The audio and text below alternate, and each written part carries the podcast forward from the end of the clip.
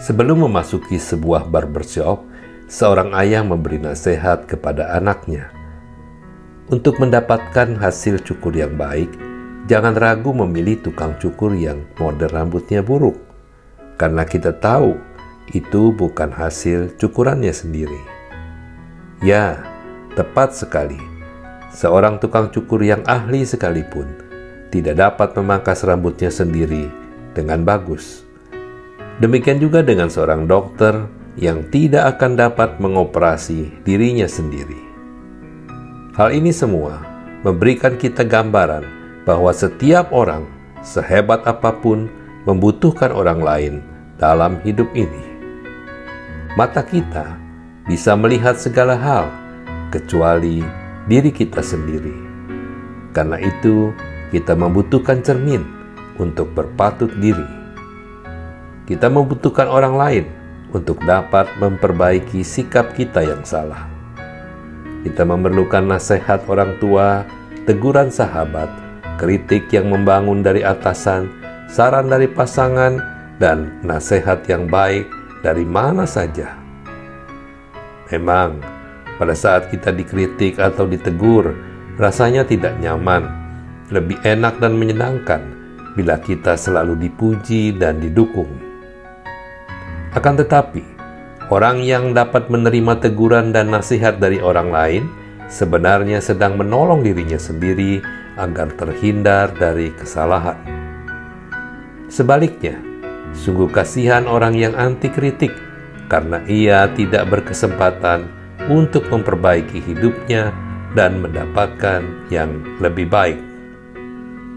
Kita juga dapat belajar beberapa pelajaran penting ketika kita berjalan bersama orang lain. Kita belajar bagaimana bergaul dan bekerja sama satu dengan yang lain. Kita juga dapat belajar bagaimana untuk saling mengasihi. Tuhan Allah sendiri berfirman waktu penciptaan manusia. Tidak baik kalau manusia itu seorang diri saja. Aku akan menjadikan penolong baginya yang sepadan dengan dia. Jadi, Allah menciptakan kita bukan untuk hidup soliter, tetapi sebagai makhluk sosial yang membutuhkan orang lain dalam menjalani hidup ini. Ketika kita berjalan bersama orang lain, kita akan menemukan sebuah komunitas di mana kita belajar bagaimana untuk saling mencintai satu dengan yang lain. Berjalan bersama orang lain juga mengajarkan kita arti melayani.